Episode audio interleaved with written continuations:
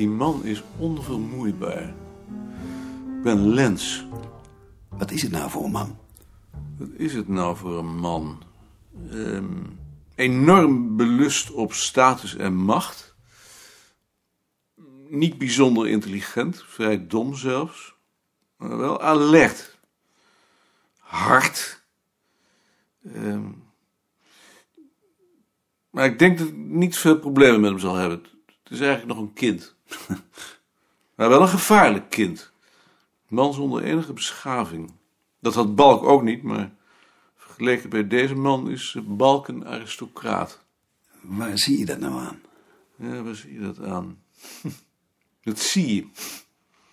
De manier waarop iemand gekleed is, waarop hij zich beweegt, de vragen die hij stelt, of hij wel of niet bescheiden is. Bescheiden is hij in ieder geval niet. Het is een proleet. Wie heeft er dan volgens jou wel beschaving? Goud. Goud heeft beschaving. En ehm, hier op de afdeling ehm, Lien, eh, Gert. En Jaring? Bij Jaring kun je even denken dat hij beschaving heeft. Eh, maar ik ga het rijtje niet afwerken. Zijn jullie nu klaar? We zijn pas begonnen. We hebben alleen nog de interne organisatie doorgenomen. Vanmiddag ga ik het hebben over de geschiedenis van het bureau. In de eerste plaats de ontstaansgeschiedenis, maar ook de veranderingen na de oorlog. Het zal hem geen bal interesseren, maar vrees ik. Maar ik, ik zal het hem wel in de maag splitsen. Weet jij wie er melk heeft gehaald? Ik dacht Lien. Dan ga ik eerst Lien maar eens betalen. Maarten? Ja. Er is een ding dat me irriteert. Dat papier op de schuifdeur. De ruimte hierachter behoort bij de afdeling volksnamen. Sinds wanneer hangt dat papier daar? Sinds gisteren, maar ik kan er wel een toelichting bij geven.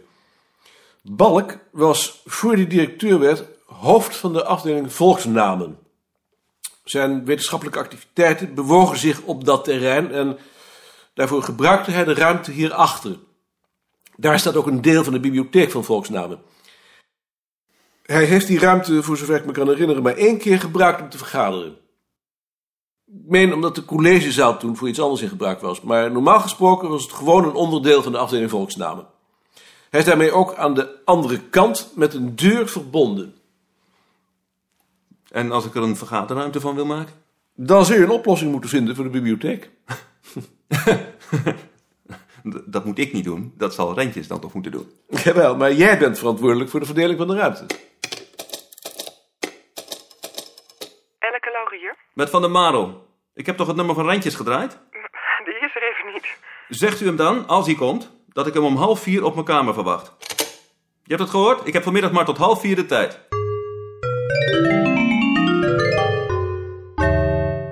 Zijn jullie nou al klaar? Hij heeft nu een gesprek met Rentjes. Rentjes is toch een stommeling.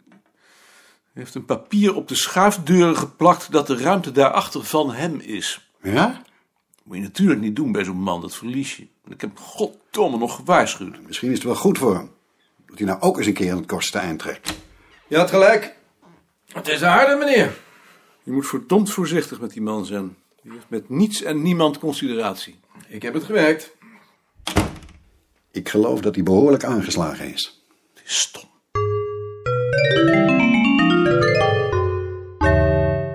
Met Dick. Ik hoor net van de rook dat er twee mensen van de Rijksgebouwendienst zijn voor het aanbrengen van een lift. Weet jij daar iets van? Een lift? Dat is sterk. Wat moet ik daarmee? Ben je op je kamer? Ja. Blijf daar dan nog even, dan kom ik naar je toe. Ad, die mannen van de Rijksgebouwdienst zijn er weer voor die lift. Je houdt het toch niet voor mogelijk. Wat is er met die lift? Ga even zitten, dan leg ik je uit. De eerste dag dat Balk weg was, zijn ze hier ook geweest. Ik heb hen toen teruggestuurd omdat ze een doorbraak willen maken door de bibliotheek van volksnamen en de bibliotheek van het muziekarchief. Dat kost ons een paar honderd strekkende meter boekenkast en vijf of zes werkplekken. Ik heb me daartegen verzet tot ongenoegen van het hoofdbureau. Nu jij er bent, probeer ze het kennelijk opnieuw. Wat hebben ze daarvoor belang bij? Ik denk dat de rook er belang bij heeft en dat hij het hoofdbureau heeft gemobiliseerd. En wat heeft de rook er dan voor belang bij? Dat hij dan met de lift naar de wc kan. Zullen we er dan maar even naartoe gaan? Ik wil het wel eens zien. Dat is onze directeur, dokter Van der Marel. Uh, Erkelens, aangenaam. Dimo? En dat is meneer Koning. Wij kennen elkaar al. Ik hoor dat hij hier een lift komt maken. Inderdaad. Uh, dat is in ieder geval het plan. Mm -hmm. Waar?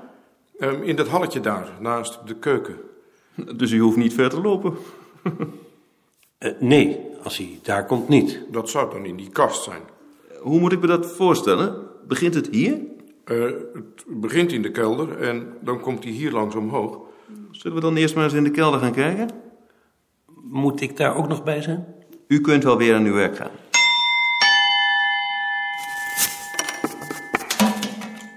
Er is toch niet iets met de fundering? Ze komen weer voor de lift. Oh, ik dacht dat dat nu toch al van de baan was. Ze komen erop terug. Tst. Dat is ook wat. Dan heb je dat toen dus helemaal voor niets gedaan. Ja. kunt, u het, kunt u het vinden? Um, jawel, uh, we zijn hier.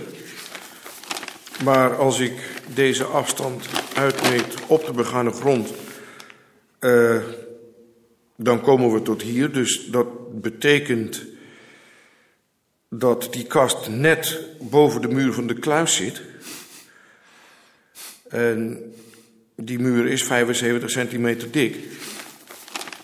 Dat betekent dat er dan ook nog een paar rijen van die kastjes weg moeten. Dus die lift komt precies op de plaats van de muur? Ja. maar het is een steunende muur. Nee, het kan niet.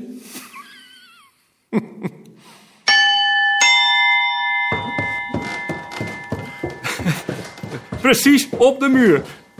Ik zeg, waar komt die? Op de muur. Ongelooflijk.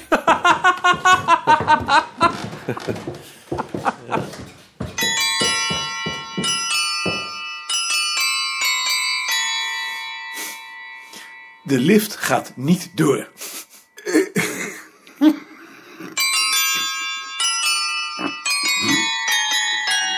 Ik wou die wijn maar even met de fiets halen. Maar dan kom je toch wel meteen terug? Tuurlijk. Want we eten op de gewone tijd. Ik weet het. Misschien dat ik terug wel moet lopen. Maar vanavond kunnen we hem zeker nog niet drinken. Nee, dat is uitgesloten. Tot straks. De rust van een zondagmiddag midden in de zomer. Alleen in de Leidse straat was het druk. Hij zette zijn fiets vast aan het hekje, opende de voordeur, deed hem achter zich op slot, opende de binnendeur en ging de hal binnen. In de hal hing een koel wit licht. Het was heel stil. Hij schoof zijn bordje in, liep door de koffieruimte naar het achterhuis en daalde de trap af naar de kelder. De ijzeren deur schuurde met een schril, hartverscheurend gepiep over de cementen vloer toen hij haar met een stoot van zijn schouder openduwde. Hij deed het licht op, dat de ruimte met de ladekasten en de boekenstellingen vaag verlichtte, en liep door naar de plek waar hij zijn wijn had opgeslagen. Met de kist op zijn armen keerde hij terug, duwde met zijn voorhoofd het licht uit, trok de deur met zijn voet achter zich dicht en klom de trap op naar de hal.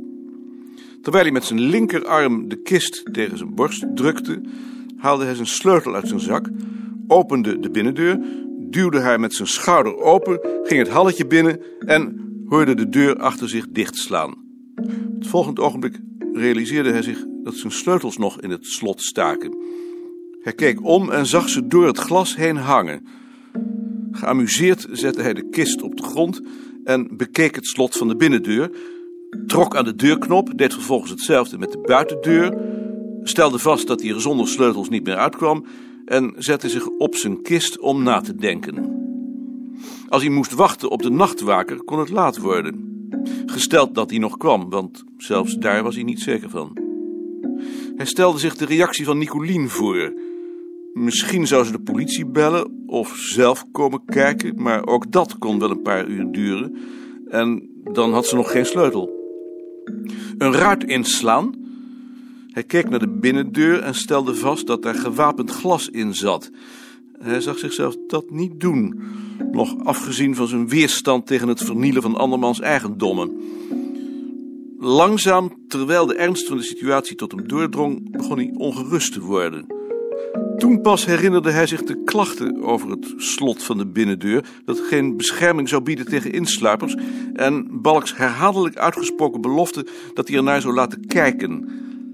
Hij haalde zijn mesje uit zijn zak, hurkte voor de deur en probeerde met het lemmet de schoot terug te wringen, stelde vast dat er beweging in zat en slaagde er na een minuut of vijf prutsen inderdaad in om het lemmet tussen de schoot en de deurstijl te krijgen, waarna het openen een fluitje van een cent was. Tevreden over zichzelf verliet hij met de kist op zijn armen het bureau, zette haar op de bagagedrager, draaide het slot van de voordeur om, maakte zijn fiets los van het hekje, waarbij de kist haar evenwicht verloor. Hij wist haar in haar val nog juist met een hand tegen te houden, verloor daarbij evenwel ook zijn evenwicht en viel op de grond met de kist en de fiets bovenop zich. Terwijl hij weer overeind krabbelde, zichzelf gelukkig prijzend dat het zondagmiddag was en er niemand op de gracht liep, begreep hij dat op dit geschenk geen zegen rustte.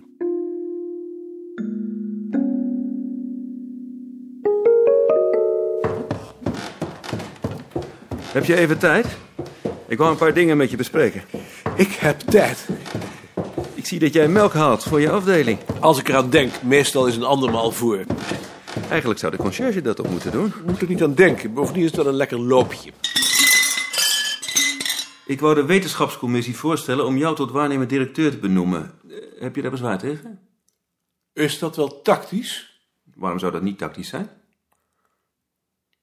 Goed, ik wil dat wel doen. Graag. Ik zeg dat niet om je te vleien, maar jouw afdeling is de enige afdeling met een samenhangend onderzoeksbeleid, dus het ligt ook voor de hand dat jij het wordt. Jawel. Ik vind ook dat het voor de hand ligt. Het volgende punt is eh, dat ik je wil vragen of jij in het volgende nummer van de mededeling een stukje over Balk wil schrijven. Goed, dat zou ik doen. Vind je dat ik ook een stukje moet schrijven om me voor te stellen? Nee, Waarom niet? omdat je nog niets te vertellen hebt. Ik zal in dat stuk van Balk wel zeggen dat je er bent. Dat lijkt me genoeg. Graag. Dan heb ik nog iets heel anders.